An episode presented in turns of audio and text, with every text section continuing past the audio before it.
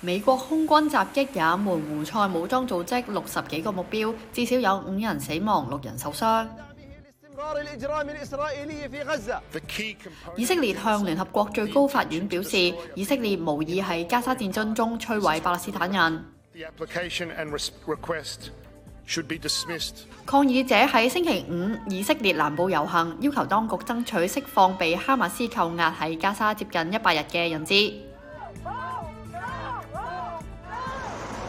厄瓜多尔士兵喺最大城市瓜亚基尔巡逻，该国总统丹诺博亚宣布进入紧急状态。